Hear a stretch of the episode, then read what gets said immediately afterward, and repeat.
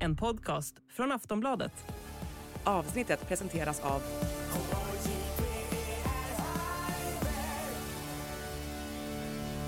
Stödlinjen.se, åldersgräns 18 år. Hej och välkommen till Höjd beredskap, en podd från Aftonbladet Ledare. Idag kommer vi att prata om koranbränningar. Vem ligger bakom? Och varför? Och vad ska man göra åt det? Välkomna! Vår beredskap är god.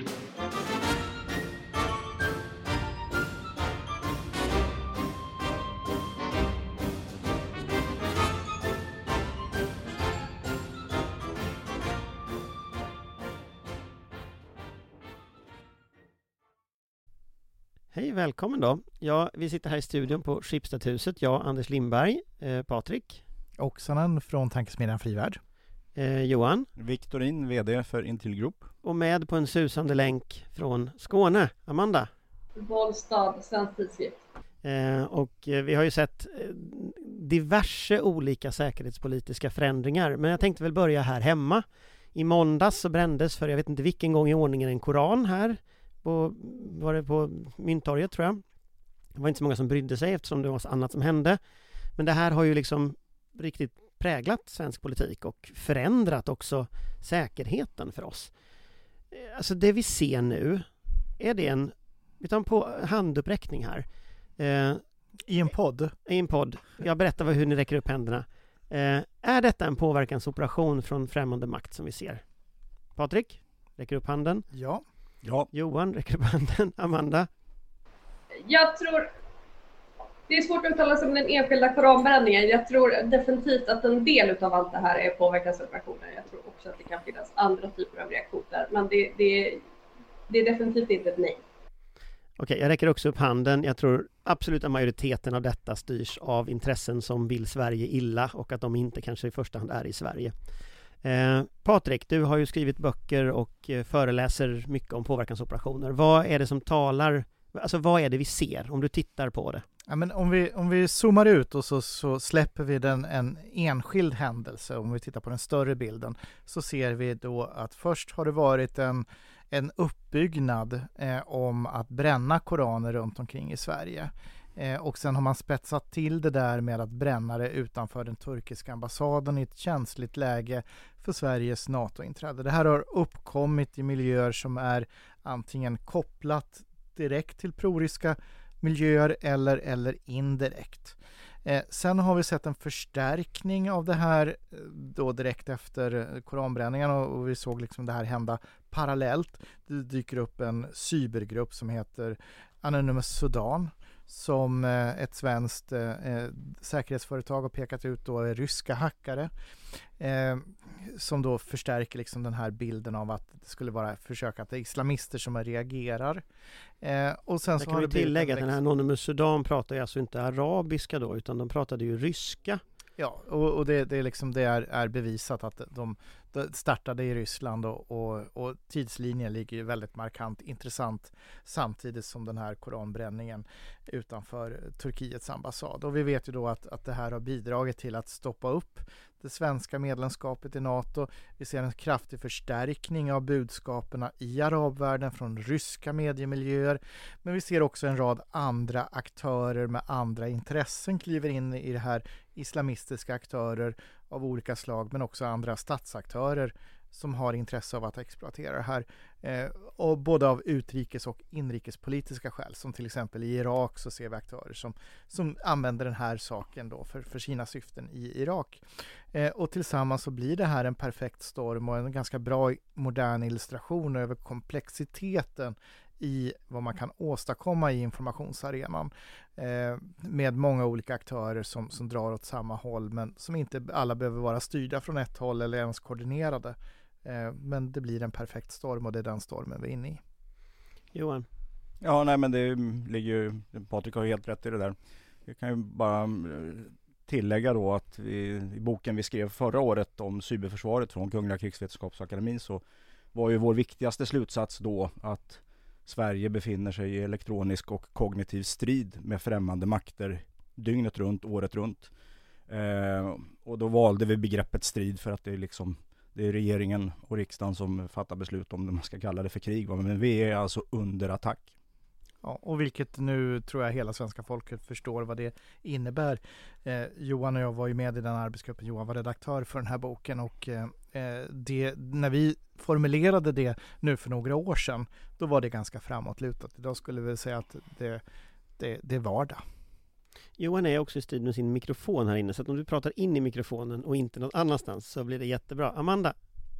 Eh, nej men det är ju bara att hålla med, så är det ju. Sen ska man ju också komma ihåg, och det har vi också sett tidigare, att extremister förstärker ju varandra på diverse sätt. Så att det, det är därför jag inte rakt av räcka upp handen, därför att det pågår absolut påverkansoperationer och detta, mycket av detta är säkerligen styrt från främmande makt. Eh, men sen finns det ju folk som går igång på detta och känner sig inspirerade och vill ha spridningsverkan. Det finns andra grupperingar som också vill påverka. Detta används ju på flera håll eh, inom eh, nationell politisk kontext, precis som vi har pratat om att Turkiets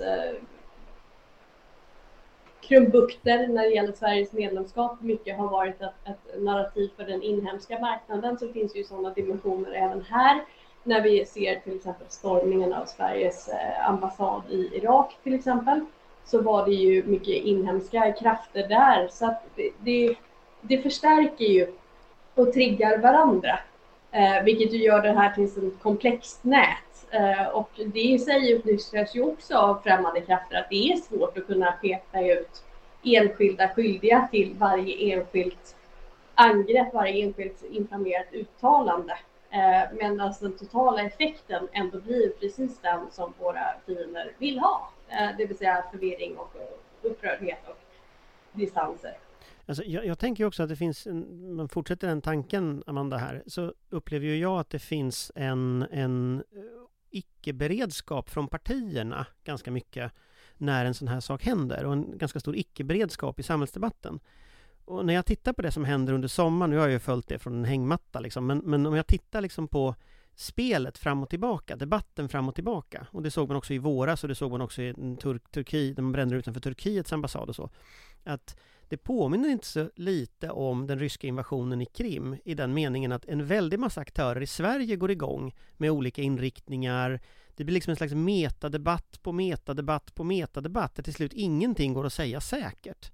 Och exakt de instrumenten har uppenbarligen funkat lika bra den här gången, för vi sitter i ett kaos. Eh, och det är väldigt svårt att pinponta vad olika aktörer tycker, hur nätet fungerar, hur stor andel av till exempel Twitter idag som är bottar, som är styrda för att liksom amplifiera vissa budskap och sådär. Och den där parallellen, för jag tänkte det att vi har ju sagt ganska många gånger sen Krim att det här kommer inte vi gå på igen. Eh, vi kommer att genomskåda detta.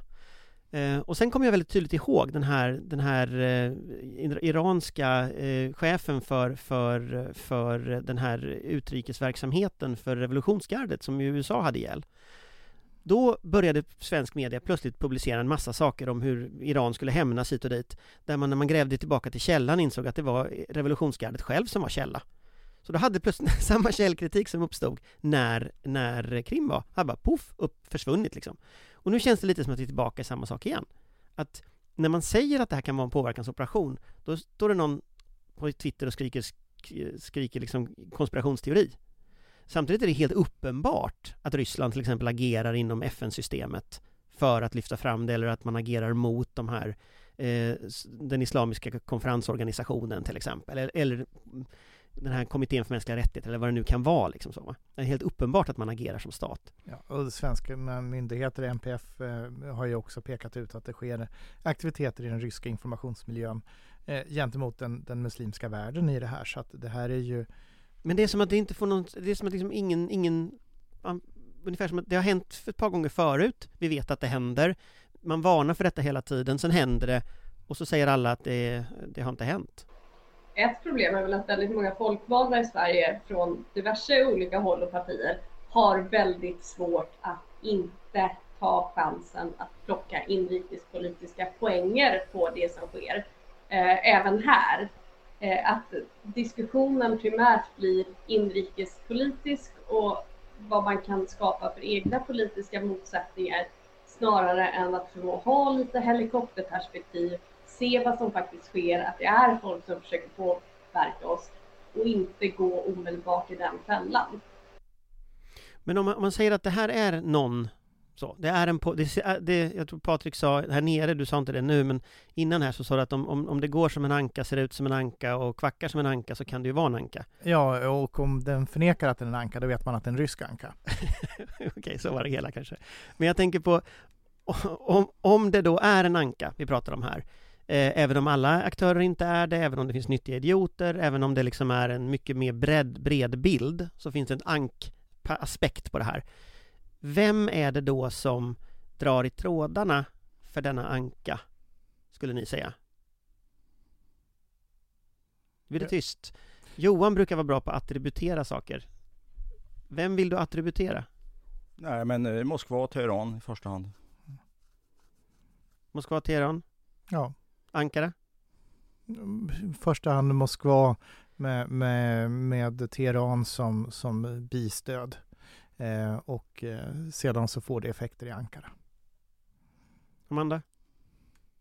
Helt enig, på många sätt kan man kanske snarare se Ankara som en bricka i det här spelet, att de låter sig utnyttjas från annat håll, kanske att de är själva initiativtagare. Men det, det är ju det här vi har sett hela tiden. Det, är ju, men det finns ju tre länder som framförallt vill oss illa och eh, agerar eh, fientligt emot oss. Och det är ju Ryssland, Iran och Kina, även om de inte har så mycket att göra med just den här frågan.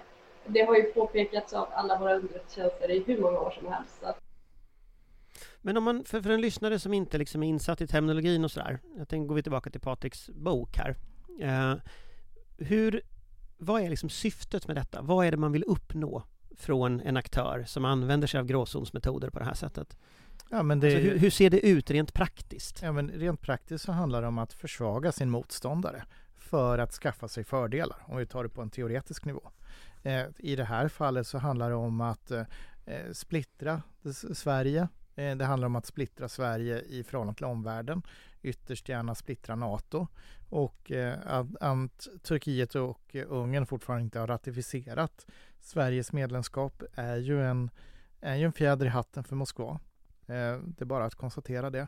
Eh, och eh, också då skada Sveriges relationer till den större omvärlden och i det här fallet de muslimska länderna. Så att, och ytterst så är det Rysslands strategiska mål då är naturligtvis att, att Sverige, när det gäller Sverige då, att Sverige inte ska komma med i NATO, ska vi komma med i NATO, ska vi komma med i NATO så skadskjutna så att eh, vi, vi, vi har svårt att agera. Mm. Om man analyserar liksom metodlådan vad är det konkret man gör för att en sån här sak ska hända? Ja, men Hur ser verktygslådan ut? Liksom? Verktygslådan är oändlig. Eh, det som är begränsande är kreativiteten eh, och vilken riskvillighet man är beredd att ta och eh, vilken, vilka resurser man är beredd att lägga. Där har du begränsningarna. Eh, så att du kan använda allting för det här. Och de vanligaste sätten att göra det här på det är ju då att eh, då använda eh, ja, bottar, trollfabriker, ombud, det är att använda cyberangrepp, så. Som, som allting sker i en kognitiv elektronisk miljö. Då kommer vi tillbaka till det som Kungliga krigsvetenskapsakademins cyberprojekt konstaterar att Sverige är i, i elektronisk och kognitiv strid i de här domänerna. Men, men det inbegriper ju egentligen allting eh, inklusive deklarationer i, i, i, i, olika politiska organ. Det kan vara uttalanden från statsföreträdare. Det kan vara eh, hemliga aktiviteter från, från underrättelsetjänster. Vi vet ju också att Ryssland inte drar sig för att eh, använda sig av, av, politiska mord och så vidare och så vidare och så vidare och så vidare. Så att eh, ja, All, allt, allt är möjligt. Men om man tänker i en underrättelsekontext Johan, alltså när man som underrättelsetjänst sitter och ska försöka hantera detta Eh, för nu sitter ju ett antal bevakningsansvariga myndigheter i Sverige och ska försöka hantera den här historien. Eh, hur ska man tänka då? Liksom, hur tänker man när någonting sånt här händer? Hur ser man liksom skillnaden mellan någon som är arg i Skövde och lägger en motion eh, mot en moské i Skövde och eh, någonting sånt här? Alltså var, hur vet man vad som är vad? Man har ju följt det här under väldigt lång tid. Man har en rätt så bra kunskap i hela västvärlden, i Sverige, Storbritannien och så vidare fråga. Sen är det en, kanske lite mera, jag, håller, jag vill komplettera Patriks beskrivning att begränsningen ligger ju också vad vi gör. Och här finns det ju en, en en ovana från svensk sida. Vi har liksom inte det i våran kultur att använda vad vi kan och vet eh, i den här typen av eh, strid som pågår. Om vi tittar exempelvis på Nederländerna som kan lägga ut bilder på vilka beslag de har gjort och liksom dra ner byxorna på eh, ryska eh, underrättelseofficerare. Eh, vi har britterna och amerikanerna som då går ut innan invasionen eller fullskaliga invasionen och talar om vad vi ser och att det här kommer hända och visar att vi vet det här också. Det föder ju en massa osäkerhet inne på den ryska sidan och sätter igång en massa kontraoperationer och då säkerhetsoperationer på, på den sidan. Men vi är lite, liksom, lite mer tafatta skulle jag säga i att använda den kunskap vi har på olika sätt. Eh, och det tycker jag att man kunde vara lite mer offensiv utan att förstöra några metoder och sådana saker. Ja, jag håller helt med där Johan och det är bra komplettering du gör där. Att den begränsande faktorn, vi kan erbjuda en begränsande faktor genom att själva agera. Men vi har inte den traditionen. Eh, vi tappade bort den eh, efter kalla kriget eh, och vi har inte återtagit den förmågan och handlingskraften. Men, men, om man plockar upp den tråden lite till, alltså om man sitter som på underrättelsesidan, man ska försöka förstå vad som händer och så ska man förklara för politikerna, det här är vad som händer. Vad händer sen? Ja, det är en spännande fråga. Eh, vad är då en regering beredd att göra? Det finns ju kunskap. Det är klart att myndigheterna rapporterar alltså konkret spetsig information till regeringskansliet. Eh, sen är det ju politiken som väljer hur man agerar med det här. Eh, så det finns ju även en dimension i det här. Och sen är det ju naturligtvis inte enkelt utan det, man måste ju, ska man då byta taktik, vilket ju skulle kunna vara ganska framgångsrikt eftersom omvärlden har ju vant sig att vi är lite så att säga defensiva. Eh, byter man då taktik, ja, då kan man ju välta spelplanen lite grann också. Eh, men då krävs det ju politiskt mod för det och eh, mod i myndighetsvärlden också. Jag tänker Amanda, du sa att, att eh, inrikespolitiker de kör sitt eget spel oavsett det här, de fattar inte och så, och så ställer de till med massa saker egentligen därför att de tänker inrikespolitiskt snarare än utrikespolitiskt. Eh, tänker du några exempel särskilt på det? Eller tänker du liksom i största allmänhet? Nej, men jag tycker att diskussionen om, om eh, koranbränningarna, vad som görs från regeringens håll, dels från oppositionen men även från, alltså dels har vi naturligtvis Jomshof och hans uttalande och eh, liksom hela informationen om detta, men även en del uttalanden från oppositionen eh, som gör sig lite dumma därför man, man inser ju exakt hur komplicerat detta är och vilken eh, oerhört spänd lina regeringen går på. Det hade ju varit precis samma läge om det hade varit en annan regering som hade varit tvungen att hantera detta. Eh, det, det gör ju att det blir ett inrikespolitiskt käbbel snarare än att man försöker Därmed inte sagt naturligtvis att oppositionen inte ska kritisera regeringen, det ska de naturligtvis. Men man har ju, i synnerhet vissa partier som tidigare har varit i regeringsställning, vet ju egentligen precis hur komplicerad den här situationen är och hur svårt det är för regeringen att sköta den här balansakten. Eh, och då är det kanske inte primärt det man ska göra inrikespolitiska utspel eh, om under den situationen vi befinner oss i. Du, du, tycker inte de ska kräva Jomshof avgång, eller? Alltså, sen kan jag också tycka det här med att statsministrar ska avsätta utskottsordföranden, det är ju en helt annan konstitutionell problematik som, vi, som kanske passar bättre i en annan podd. Eh, och det är klart att man kan kritisera honom, men vill vi verkligen öppna den Pandoras box där man gör utskottsordförandens enskilda ställningar till förmån för omröstningar i bredare... Som sagt, det är en annan podd. Men man, kan, väl säga ja. att partier som gör anspråk på att vara statsbärande partier, de får väl visa att de klarar av att vara statsbärande partier. Vi har ju många gånger pratat här om i podden att exempelvis socialdemokrater och moderater, de bör ha en enad front i den här frågan. Och där kan jag väl bara flika in och säga så här att om vi hade haft eh, nationalister som sätter nationens först så, så, så skulle Jomshof ha avgått. Alltså, alltså jag, jag, kan ju då, jag, jag, jag, kan ju då försvara lite det att man just kritiserar Jomshof därför att det är ju Jomshof har ju lyckats förvärra den här krisen mitt i krisen. Eh, och just nu så sitter ju regeringen i en situation som är ju komplicerad inrikespolitiskt därför att backar de upp Jomshof så kommer ju omvärlden också se att de backar upp hans ställningstaganden. Det blir ju bilden, i alla fall så kommer ju omvärlden att försöka göra det till bilden. Och det blir en svår balansgång att både säga det här tycker vi är jättekorkat, vilket man säger på ett utmärkt sätt från regeringen, och sen backa upp Jomshof. Det kommer bli ett problem och på det sättet så sitter man ju i en rävsax som är ju knepig att trassla sig ur. Eh, och lite tycker jag man har satt sig i den själv. Eh, alltså lite tycker jag regeringen får skylla sig själv. Sen håller jag med om att alla måste ta ansvar i den här situationen. Eh, så är det. Och det, jag tänker, jag tänker lite på pandemin. För då var ju oppositionen väldigt mycket ute och sa att oppositionen måste opponera i en demokrati. Eh, och nu är vi i lite liknande läge. Eh, och då är ju som frågan att vill vi ha en situation där oppositionen håller tillbaka för landets bästa? Ja, det vill vi.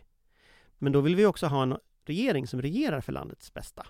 Eh, och då kanske en sån som Jomshof inte passar in i den riktigt kalkylen, kan jag tänka. Eh, Fast han sitter inte i regeringen. Jonsson sitter inte i regeringen. nej, men han sitter ju... Han, jag har ju sett att det finns massa såna här konstitutionella konstigheter om det här. Alltså, riksdagsordningen är ju ganska enkel. Det är ju utskotten som väljer utskottsordföranden och väljer utskottet ett ny ordförande så är han en annan ordförande. Liksom. Och, och det där gör ju... Det är ju regeringspartierna mot oppositionspartierna här. Eh, jag hade helst sett att en sån här situation kanske inte uppstod från början. För Jomshof kanske inte skulle sagt det där. Ja, det hade ju varit det allra Då bästa. hade det liksom varit löst. Och, och, och när han nu sa det så skulle han, han och Sverigedemokraterna kunna hantera det lite elegant och kanske faktiskt också plocka lite respekt eh, på att, eh, att ta ansvar. Ja, jag tänker att de kanske skulle plockat bort honom själva. Jag kan inte tänka mig riktigt något annat parti där en ledande företrädare skulle kunna säga sådana saker mitt i en kris och inte det partiet skulle sparka ut den där personen. Eh, Men vad vet jag? Nu har vi väl i och för sig andra höga företrädare i riksdagen som viftade med en PKK-flagga mitt under en kris och också fortfarande sitter kvar. Ja. Så det finns ju andra bekymmer. Men vad jag skulle ha sagt är att det går naturligtvis att bemöta detta från både opposition och regeringen förklara att det är så här vår ordning ser ut och vi har en, en liksom vibrerande demokrati vilket innebär att folk ibland kommer med idiotiska uttalanden. Sen hade jag ju också önskat att Sverigedemokraterna hade löst detta själva. Men framförallt, det är ju inte bara Jonsson det har diskuterats kring. Vi har ju även haft utspel från oppositionen som gäller regeringens skötsel av koranbränningarna. Eh, och det är svårt därför att det är ett känsligt balans oavsett egentligen vad man tycker att balansera vår lagstadgade yttrandefrihet och eh, sådana inflammatoriska handlingar som koranbränningarna ändå är och samtidigt då som vi ju vet att det är påverkansoperationer. Så detta är verkligen tightropeing och där tycker jag gott att eh, oppositionen ska vara opposition men de kunde ju också ha funderat på vad de själva hade gjort i regeringsställning om det verkligen hade varit så annorlunda. För då kommer nämligen min nästa fråga som det här var en ingång till. Är vi en del av problemet som är med i samhällsdebatten när sådana här saker händer? Är politikerna själva en del av åsikt av den här påverkansoperationen? Och i så fall, är man det? Ja, nej men alltså det är klart att det här är ju också skräddarsytt och, och genomtänkt utifrån att man, man känner till hur vår debatt funkar. Man vet vilka knappar man trycker på. Man vet, man vet liksom, ja men säger man A så kommer Anders Lindberg att säga B och sen säger, säger eh, eh, någon annan C. Eh, om man vill få fram C i debatten så vet man att ja, men då börjar man trycka där. Alltså de sakerna, den kunskapen har eh, finns om den svenska debatten och, och eh, det är klart att man utnyttjar det och det är klart att genom att vi inte riktigt kan hantera det här medvetet blir en del av, av helheten också. Johan, är ryssarna så bra på svensk samhällsdebatt att de kan veta att de ska trycka på en knapp för att jag ska skriva en arg ledare om Tobias Billström? Nej, det tror jag inte. Så sofistikerade med Men på ett generellt plan så är de ganska duktiga. Det fungerar ju så i en Jag ska underrättelsetjänst. säga att jag inte skrivit någon Nej. då. Alltså. Nej, och, och, Det, mitt- det, det fungerar så i, i en underrättelsetjänst och i alla organisationer att olika delar är olika bra. Så att det här får man nog säga att på den här skandinaviska sidan och Storbritannien där är ryssarna traditionellt ganska bra. De är väldigt duktiga på Mellanöstern ska vi inte glömma bort i det här sammanhanget då. Både arabvärlden och Iran. Superduktiga på detta och Nordafrika för den delen också. Sen finns det annat då. Man kan ju väldigt tydligt åskådliggöra detta också. När vi liksom lägger det som hände uttåget ur Afghanistan för två år sedan. Hur man totalt misslyckades med underrättelsebilden. Jo men det var ju den divisionen som satt och var geografiska experter och experter på den politiken som fördes där och så vidare och så vidare. Jämför det då med vad som hände nu inför eh, den fullskaliga invasionen i Ukraina, vilken underrättelsebild som samma länder hade som totalt ett år senare, eh, tidigare hade misslyckats så det skiljer sig väldigt mycket traditionellt hur duktiga olika länder är på olika saker och vi är väldigt bra på Ryssland i ett västligt perspektiv. Om vi skulle använda det vi kan, vad skulle vi göra då? Eller inte vad skulle vi göra, vad skulle vi kunna göra? Ja, vi skulle kunna blottlägga samband mellan eh, en eh, främmande makt och en aktör som är ute och agerar konkret fysiskt med en koranbränning exempelvis. Det skulle vi kunna göra. För jag Så- måste ju säga att jag tyckte ju statsministern, när han har hållit tal om det här så har de ju pratat om att det är personer med svag anknytning till Sverige och det är liksom väldigt mycket sådana formuleringar. Så regeringen glider ju runt det här, men de säger det inte. Nej. Skulle de göra det? Jag vet inte om regeringen kan göra det eh, explicit så, men... men eh, Nej men lä- klar- klarlägga samband, jag vet inte vilka samband de vet här men alltså Säg att liksom eh, Kristersson och Billström och, och vad heter det, Bolin kallar till presskonferens och så förklarar de att vi vet att det här är en rysk operation. Den styrs från den här avdelningen i GRU De sitter i det här huset i Moskva. Det skulle de kunna säga. Så, Mm, pang det tror jag. Sen blir det känsligare när du kliver in och säger då att eh, Kalle Karlsson som står och eh, gör det här med, med, med den här boken på den offentliga platsen är en operatör eller Kalle Karlsson har blivit lurad av en operatör. Då börjar vi glida in på saker och ting som staten inte ska säga. Ehm, och det, är där du har balansgången. Och där har du ju också, även om ryska underrättelsetjänsten kanske inte är så bra för den svenska debatten, så finns det människor i den svenska debatten som har inspiration eller stöd eller utbyte med, så kan ju de i sin tur ha koll på vilka reaktiva effekter som finns i den svenska debatten. Så det är återigen det här armslängd avstånd, eh, alltid så sprit, vem står egentligen bakom? Och det kan ju vara, det kan ju vara människogrupperingar som i sig har legitimt eh, anledning att vilja elda på olika motsättningar eller som själva kan ha anledning att vilja protestera mot någonting eller så vidare. Men, men intressen sammanfaller och ibland även kontakt. Men, men om man tänker, om man tar det från den här bilden, för jag tror att en, en bild som jag tycker är väldigt tydlig här, det är att det här är ju en gråzon. Eh, det är inte sen en tydlig aktör som agerar och så springer alla som någon slags nordkoreansk danstropp, utan här är liksom som en gryta som man rör runt i och så stänker åt olika håll och liksom folk har inte koppling till varandra och narrativ sprids lite överallt och på ganska konstiga ställen ibland. Många narrativ om Ryssland just nu är väldigt konstiga och kommer från konstiga ställen, eh, upplever jag i debatten. Det blir väldigt rörigt så. Men det är den här grytan som man rör i hela tiden. Det är hela tiden gråzonen. Om man vill ta sig ur den här gråzonen nu då, eh, hur tar man sig härifrån till att vi inte befinner oss i den här kombinationen av utrikes säkerhetspolitisk kris och inrikeskris samtidigt? Först ska vi ju avskaffa begreppet gråzon. Det blir nästa uppgift i ett projekt i Kungliga krigsvetenskapsakademin som jag ska leda här.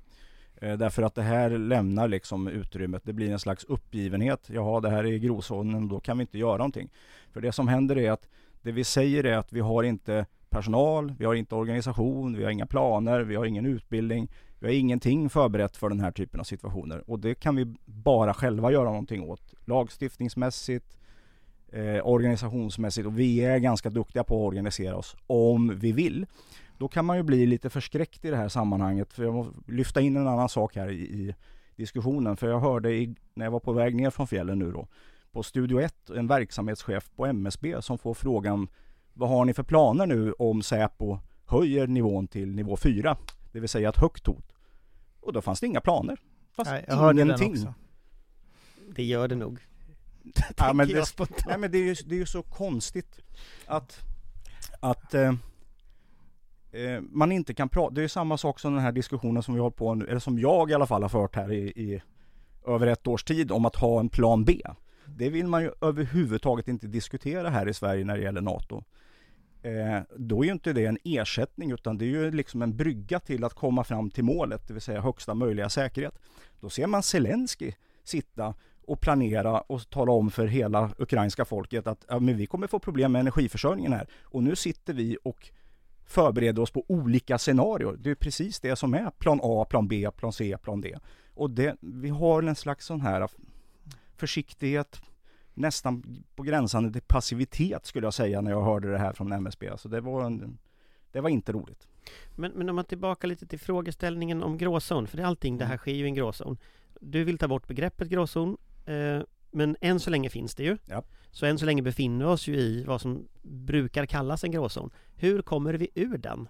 Vi befinner oss i elektronisk och kognitiv strid dygnet runt med främmande makter. Det är det som är, händer. Det, det är ingen gråzon. Och det kommer vi inte komma ur under överskådlig tid. Jag ser inget slut. Eh, och det är liksom en insikt som vi behöver tugga i oss. Men hur kommer vi från den punkten att folk bränner Koranen framför riksdagen och det blir återkommande, återkommande kriser, stormningar av ambassader, eh, inkastade bomber mot våra ambassader någonstans, även om den brann väl inte upp, bomben, eller sprängdes inte. Eh, vi ser en, eh, di, liksom diverse terrorgrupper, eh, blandade terrorgrupper som går ut och hotar med diverse saker. Alltså vi behöver ju komma från en punkt där vi är nu till en punkt när det inte händer. Mm. Hur gör vi det? Jag tror att det var Billström som i morse sa att det finns ingen quick fix. Det är det första vi måste komma ihåg. Han sa också att det finns ingen anledning till att vara rädd eller någonting. Nej, man ska inte vara Och det är rädd. väl det här klassiska när ett flygplan börjar skaka säger man det finns ingen anledning till panik och då får alla panik. Ja, men vi ska inte vara rädda. Vi ska agera medvetet och, eh, eh, och vara förberedda. Alltså det, det, rädsla, motståndaren vill att vi ska vara rädd. Om vi blir rädda har, har motståndaren lyckats. Men jag frågar Amanda då, hur tror du att tar oss ur det här? Alltså, hade jag vetat det så hade jag nog suttit i ett hemligt möte någonstans och eh, kommit med väldigt goda råd så att det här hade löst sig. Det, Eh, tänk att det här vi- är ett hemligt möte, vilka råd vill du ge? Det är, ju, det är ju ingen som riktigt vet. Jag tror att en del av det är att vi måste återgå till något och det har vi ändå eh, under i början på pandemin och precis efter den senaste invasionen av Ukraina så hade vi ändå en ganska sund eh, diskussion om just det här med källkritik och att inte reagera så reflektivt. Och vi måste hitta tillbaka till det och det gäller både media och det gäller våra politiker. Eh, därför att får man inte de reaktioner man önskar så kommer man ju sluta försöka provocera. Det är ju en mycket stor del av det. Att just nu så kan man trycka på den där knappen och så händer precis det man vill ska hända. Och om vi slutar se till att vi, om vi ser till att det inte gör det, om vi inte hoppar varje gång och säger hoppa, så kommer det ju naturligtvis lugna ner sig. Sen är det ju ett ytterligare problem och det, det är ju NATO-medlemskapet som gör det svårare att vara tydlig. Annars hade man ju önskat en mer dansk reaktion på det här med koranbränningar, det vill säga att så här ser vår lag ut. Vi tycker inte om det, men nu är det så här. Ungefär som man hade gjort över Jyllandsposten publicerade sina teckningar, man behöver inte kommentera att man inte tycker om det. Man kan bara konstatera att så här är det. Eh, vi, vi vare sig kan eller vill ändra detta, om man nu inte vill det, och eh, försöka vara lite tydligare med det istället för att på något sätt antyda att man kommer göra ändringar eller låta sig ändras av påtryckningar. Vad gäller terrorhot och så vidare, det, det är ju också... Det, det är väldigt svårt att säga, men det är ju en del av det här reflexiva. Ju mer uppmärksamhet som dras till det, desto mer reaktioner kommer vi få på det. Eh, och detta utnyttjas ju av alla möjliga krafter. Så att eh, någonstans så, så är nog kanske det viktigaste att alla kyler ner sig lite. Johan? Nej, men ett antal komponenter som behövs är ju att man har ett klart och tydligt mål. Det vill säga att vår säkerhet ska då förbättras till en viss nivå till hur det var. Eh, eh, man behöver en enhetlig ledning. Eh, det vill säga Socialdemokrater och Moderater måste komma samman i den här typen av frågor ännu hårdare. De är ganska hårt sammankopplade. Det, är helt, det, tycker jag att man ser ändå. Kristersson pratade ju om att han hade kontakter med Magdalena Andersson när hon var statsminister och så vidare. Och de kontakterna fortgår ju men de måste vara ännu skarpare i kanterna. Att det här håller vi inte på och sjabblar en massa liksom inrikespolitik kring utan det här måste vi köra hårt på. Sen måste vi höja kompetensnivån eh, och eh, sen är det det här med information och kommunikation. Och där tycker jag ju att eh, ministrarna Jonsson och Bolin sköter sin liksom kommunikativa bit väldigt bra i det här eh, sammanhanget. Patrik? Ja, jag håller med om berömmet om, om ministrarna. Eh, ska man lägga till någonting mer som vi saknar i vår verktygslåda på strategisk nivå, eh, som har blivit brutalt tydlig, både med LVU-kampanjen, alltså den här kampanjen med desinformation mot svensk socialtjänst, att vi skulle ägna oss åt att stjäla muslimska barn och annat som, som har först ge- kommit innan eh, koranbränningen och man har ju sett att de här aktörerna har ju då och vara aktiverade i koranbränningen också. Alltså i, i att reagera mot ute i, i den islamistiska världen.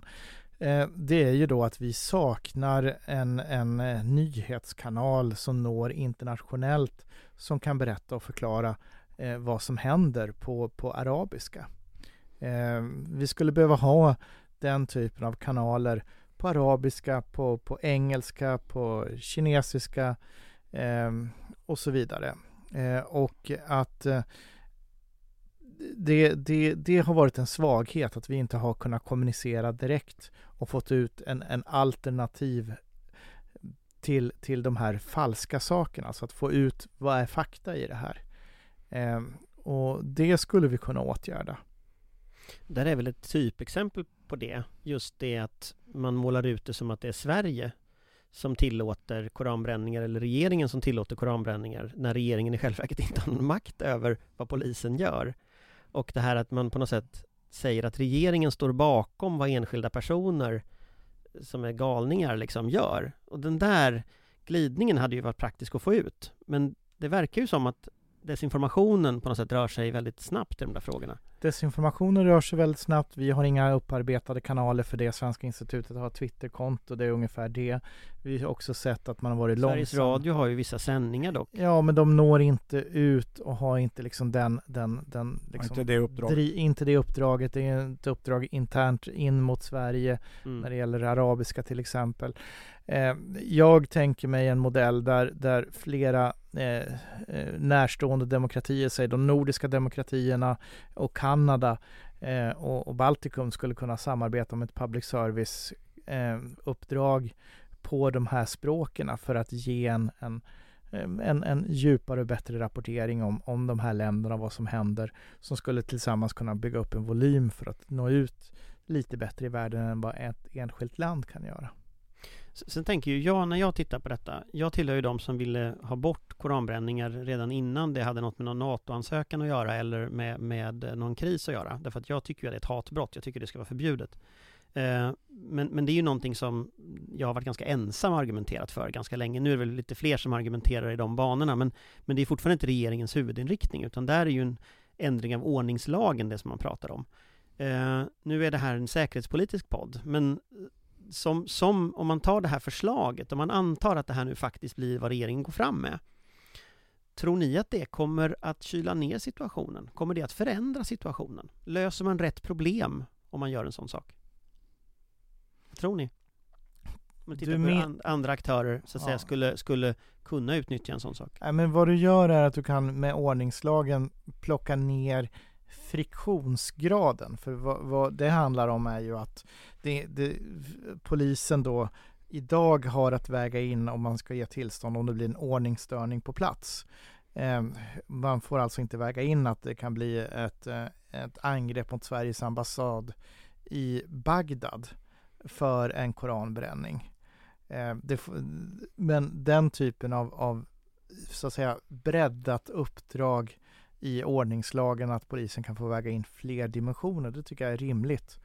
Eh, att eh, tid, plats eh, är faktorer och konsekvens är faktorer som ska kunna finnas som grund för tillståndsgivning. Eh, det är ingen orimlighet. Det är ju väldigt frestande förstås att komma med en sån lösning men då lägger man ju helt plötsligt på en lokal polismyndighet att göra en bedömning om vad det här får för konsekvenser långt ut i omvärlden. Vilket ju de knappast är rustade för faktiskt. Så det där är rätt så svårt. Jag tycker ju en sak man borde göra med tanke på det här med svag anknytning till Sverige. Det är ju att man inte har tillstånd för vissa saker om man inte är svensk medborgare. Och den utrymmet finns ju i grundlagen. Ja, men här hamnar du ju problem då att du får ju rösta eh, om du inte är svensk medborgare i kommunalval till exempel. Eh, eh, och Jo, då- men du får, ju, du får ju göra begränsningar i yttrandefriheten enligt vår regeringsform. Jo, eh, men, men jag pekar på att du, du öppnar upp för en, ett, ett komplext minfält i frågan. Eh, Ja, om du går i den det- det- riktningen. Amanda? Ja, men det är jävligt komplext och, och vi, vi ska inte, apropå reflexiva liksom, reaktioner, vi ska inte ändra vår grundlag utifrån en yttre provokation. Det blir liksom inte heller bra och det här är svåra avvägningar. Eh, jag tror att det kan vara rimligt att man ger polisen större möjlighet att ta hänsyn till och de kan ju faktiskt också inhämta underrättelseinformation från dels eh, längre upp i sin egen myndighet, dels från andra myndigheter. Eh, det finns kanske en poäng i att man inte nödvändigtvis ger tillstånd som tidigare har varit för nazistiska demonstrationer utanför en synagoga vid eh, judendomens heligaste dag till exempel. Att man kan ta hänsyn till sånt. Samtidigt så är yttrandefriheten otroligt grundläggande och det är jätte mycket som kan ske om man börjar pilla med detta. Och sen så ska vi också komma ihåg, apropå tillståndsprocessen, att det man får tillstånd för är inte att bränna Koranen. Polisen går inte ut och säger, ja men okej, du får bränna en Koran. Polisen säger att ja, ni får ha en allmän sammankomst här. Och sen bränner folk Koranen. Det är ju inte så att polisen godkänner den aktiva handlingen. Och där blir det ju också en felslut egentligen med hetsdiskussionen. Därför att då får man i så fall pröva själva brännandet av Koranen som mot hetslagstiftningen, precis på samma sätt som man förbjuder inte per automatik nazister att demonstrera utan man åtalar dem för att de till exempel gör Hitlerhälsningar i efterhand. Därför att de har fortfarande rätt att yttra sig, de har bara inte rätt att bryta mot hetslagen. Så att det, det är också ett komplicerat nätverk här och där tycker jag också att vi som media och politiker har ett ansvar att vara betydligt tydligare Polisen ger inte tillstånd att bränna Koranen. Polisen ger tillstånd till allmän sammankomst. Sen bränner folk Koranen. Och det tror jag är en sån här jätteviktig grej vi måste kommunicera, både internt och externt. Det var ingen av oss som riktigt svarade på om detta löste problemet. Det var liksom Det kommer ol- inte olika, olika problematiseringar av alla lösningar som är tänkbara. Det, det var väl ett svar i sig att det inte löser problemet. Ja, så, då, så, så, så om man tänker att det, att det här är... Och som sagt, jag är ju inte för att man ska ha det som en alltså, koranbränning som en del av hets mot folkgrupp för att det är en internationell kris. Jag är mot att man ska tillåta detta därför att jag tycker det är ett hatbrott. Jag tyckte det innan det här hände, jag kommer att tycka det när ingen annan tycker som jag nästa gång heller. Men, men, men däremot lagstiftningstekniskt så har ju Amanda helt rätt. Att det skulle ju inte förhindra till exempel att någon säger jag ska ha en allmän sammankomst och dela ut varmkorv. Jo, det skulle hälsovårdsmyndigheterna stoppa, men jag ska ha en sammankomst och samla frimärken. Ja, och sen bränner de Koranen. Du kommer inte kunna hindra den. Så, så, så det är liksom, det, det är inte så där lätt att lösa åt något håll. Så är det ju. Om de verktygen inte, och sen ska man ju påpeka två saker som är viktiga här. Det ena är ändringar av ordningslagen tar tid. Ändringar när det hets mot folkgrupp tar ännu längre tid eftersom man också behöver ändra grundlag. Så att inget av dem kommer att lösa problemet just nu, oavsett vad man tycker om det. Men om de verktygen inte är de verktygen som skulle funka här. Om, man nu, om ni får vara statsminister för typ ett inlägg och så får ni säga det här vill jag göra nu för att lösa detta. Och ni får inte säga att det är någon annans ansvar eller något annat parti som ska lösa det, utan ni själva är ansvariga för att lösa detta. Eh, vad säger ni då att ni ska göra för att lösa det? Ska vi börja med Amanda? Men det går ju inte att lösa. Då hade man ju gjort det. Det är ju väldigt enkelt. Det här är en oerhört komplex problematik med väldigt många dimensioner. Det finns liksom ingen gordisk knut att lösa på något sätt. Utan det, här, det här kommer ta tid. Det kommer krävas väldigt många nyanser. Det man önskar är väl en, en väldigt stor tydlighet från alla aktörer och en mer proaktivt arbete och så större tydlighet i underrättelsearbete så att man blir tydligare om varför det här görs och vem det är som står bakom. Det, det är nog det enda man kan göra och så jobba långsiktigt med det. Därför att det finns inget demokratiskt rimligt sätt med följder i övrigt vi kan leva med som får det här att stoppa inom en nära framtid. Johan? Ja, vad svårt. Um, tror jag försökt att kommunicera, alltså typ presskonferenshållet och säga att vi är under angrepp och att varje myndighetschef och varje tjänsteman i förvaltning kommer mätas hur man eh, bidrar till högsta möjliga nivå på svensk säkerhet. Mm. Patrik? Nej, men det är ju det som Johan är inne på. Det, är- det, det som statsministern kan göra i det här är ju ett tal till nationen, om vi pratar i amerikanska termer, My fellow Americans. Eh, och lägga ut texten kring det här budskapet som Johan och jag har, har pratat om genom Krigsvetenskapsakademins arbete. Vi är i elektronisk och kognitiv strid. Den här striden har hårdnat senaste året. Eh, och det sker bland annat på grund av att vi har sökt medlemskap i NATO. Eh, och att eh, det här är ingenting som går över snabbt. Vi kommer att prövas ytterligare. Det är nu upp till var och en att visa eh, vilket samhälle vill vi ha? Vilket ansvar är vi beredda att ta i den här krisen? Och att eh, eh göra det och som, som Johan säger då att eh, peka på att, att det här är någonting som, som hela samhället måste göra men staten naturligtvis måste gå före i det och i det då tillkännage att eh, för att tydliggöra det här uppdraget så, så kommer regeringen i nästa omgång av regleringsbrev tydliggöra det här för uppdraget för samtliga myndigheter som lyder under, under, under regeringen. Att eh, det här är prioriterat. Eh, och eh, om jag, om jag, på den skulle, sättet om jag, om jag själv det. skulle fundera över det eh, Det är en av fördelarna med att, att heja på oppositionen är att man slipper det men, men om jag ändå skulle fundera då skulle jag tänka så här Jag skulle tänka att det regeringen, bilden av regeringen just nu är att regeringen inte har koll De har inte kontroll eh, Det fortsätter bara hända det blir bara konstigare nyheter dag efter dag, någon ny terrorgrupp dyker upp och säger något. Jag skulle börja med att försöka visa att jag har kontroll. Det skulle jag göra tillsammans med oppositionsledaren. Eh, jag skulle inte åka ut i ett amerikanskt hangarfartyg med oppositionsledaren, men jag skulle någonting liknande. Eh, med att oppositionsledaren och regeringschefen tillsammans visar att det här är någonting som är svenska intressen. Sen skulle jag tydligt definiera vad svenska intressen i detta är. NATO-medlemskap är ett svenskt intresse. Det är ett svenskt intresse faktiskt att koraner slutar brännas. Jag hade varit väldigt tydlig i avståndstagande, både till de som uppmuntrar sånt, oavsett vilken sida av politiken det är på, men också till att det händer. Så att det finns klipp på engelska, på svenska, där oppositionsledare och statsminister är väldigt tydliga med att så här gör vi inte i Sverige. I Sverige läser vi böcker, vi bränner dem inte. Eh, och jag skulle vara otroligt tydlig på den punkten. Sen skulle det säkert komma kritik internt om att det var yttrandefrihet och sådana här saker. Men det är yttrandefrihet för statsministern också att säga vad han tycker om den saken. Och jag hade varit väldigt tydlig på den punkten. Och det tredje jag skulle gjort, det är att jag hade eh, förberett myndigheterna för att det faktiskt kommer att ske en väldigt tydlig revidering av de här sakerna. Och att det de gör nu kommer att, ha, kommer att visas tydligt i den revideringen vad som har funkat och inte funkat. Och det skulle jag sätta min säkerhetsrådgivare på, Henrik Landerholm, att gå igenom det. Och jag har länge tyckt att det är ett problem med ansvarsprincipen. Eh, att myndigheterna får göra lite som de vill, att det inte finns en central styrning.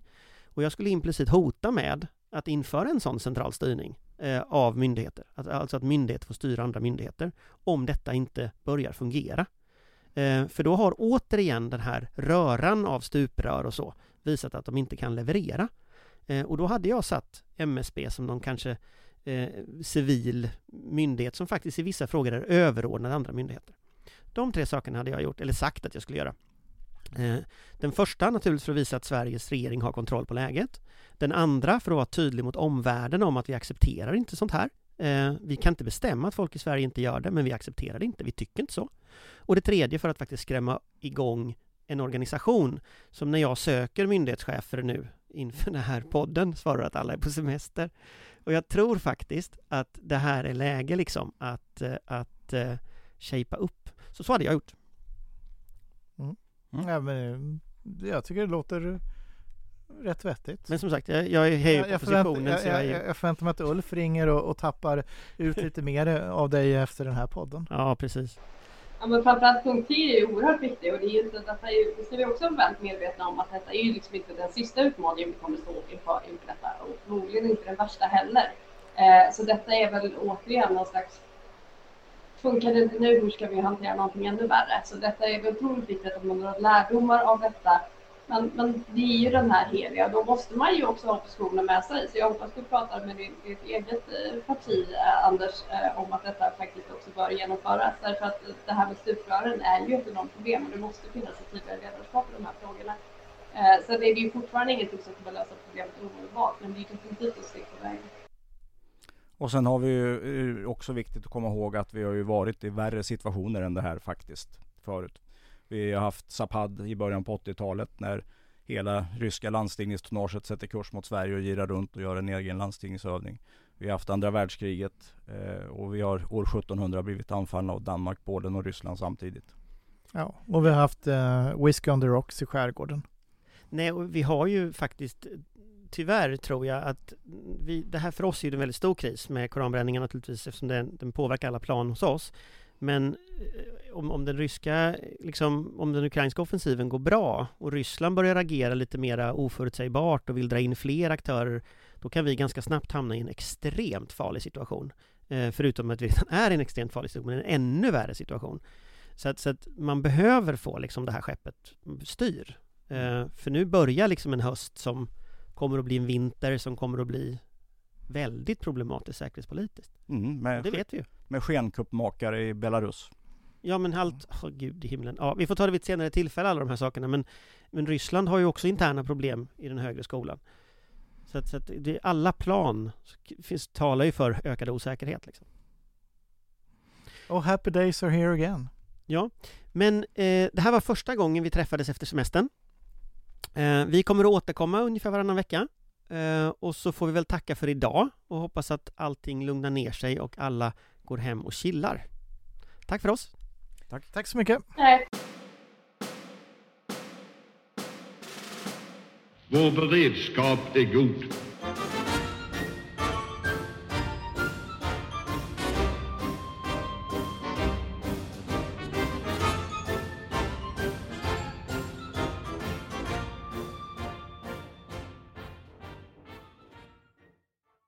Du har lyssnat på en podcast från Aftonbladet.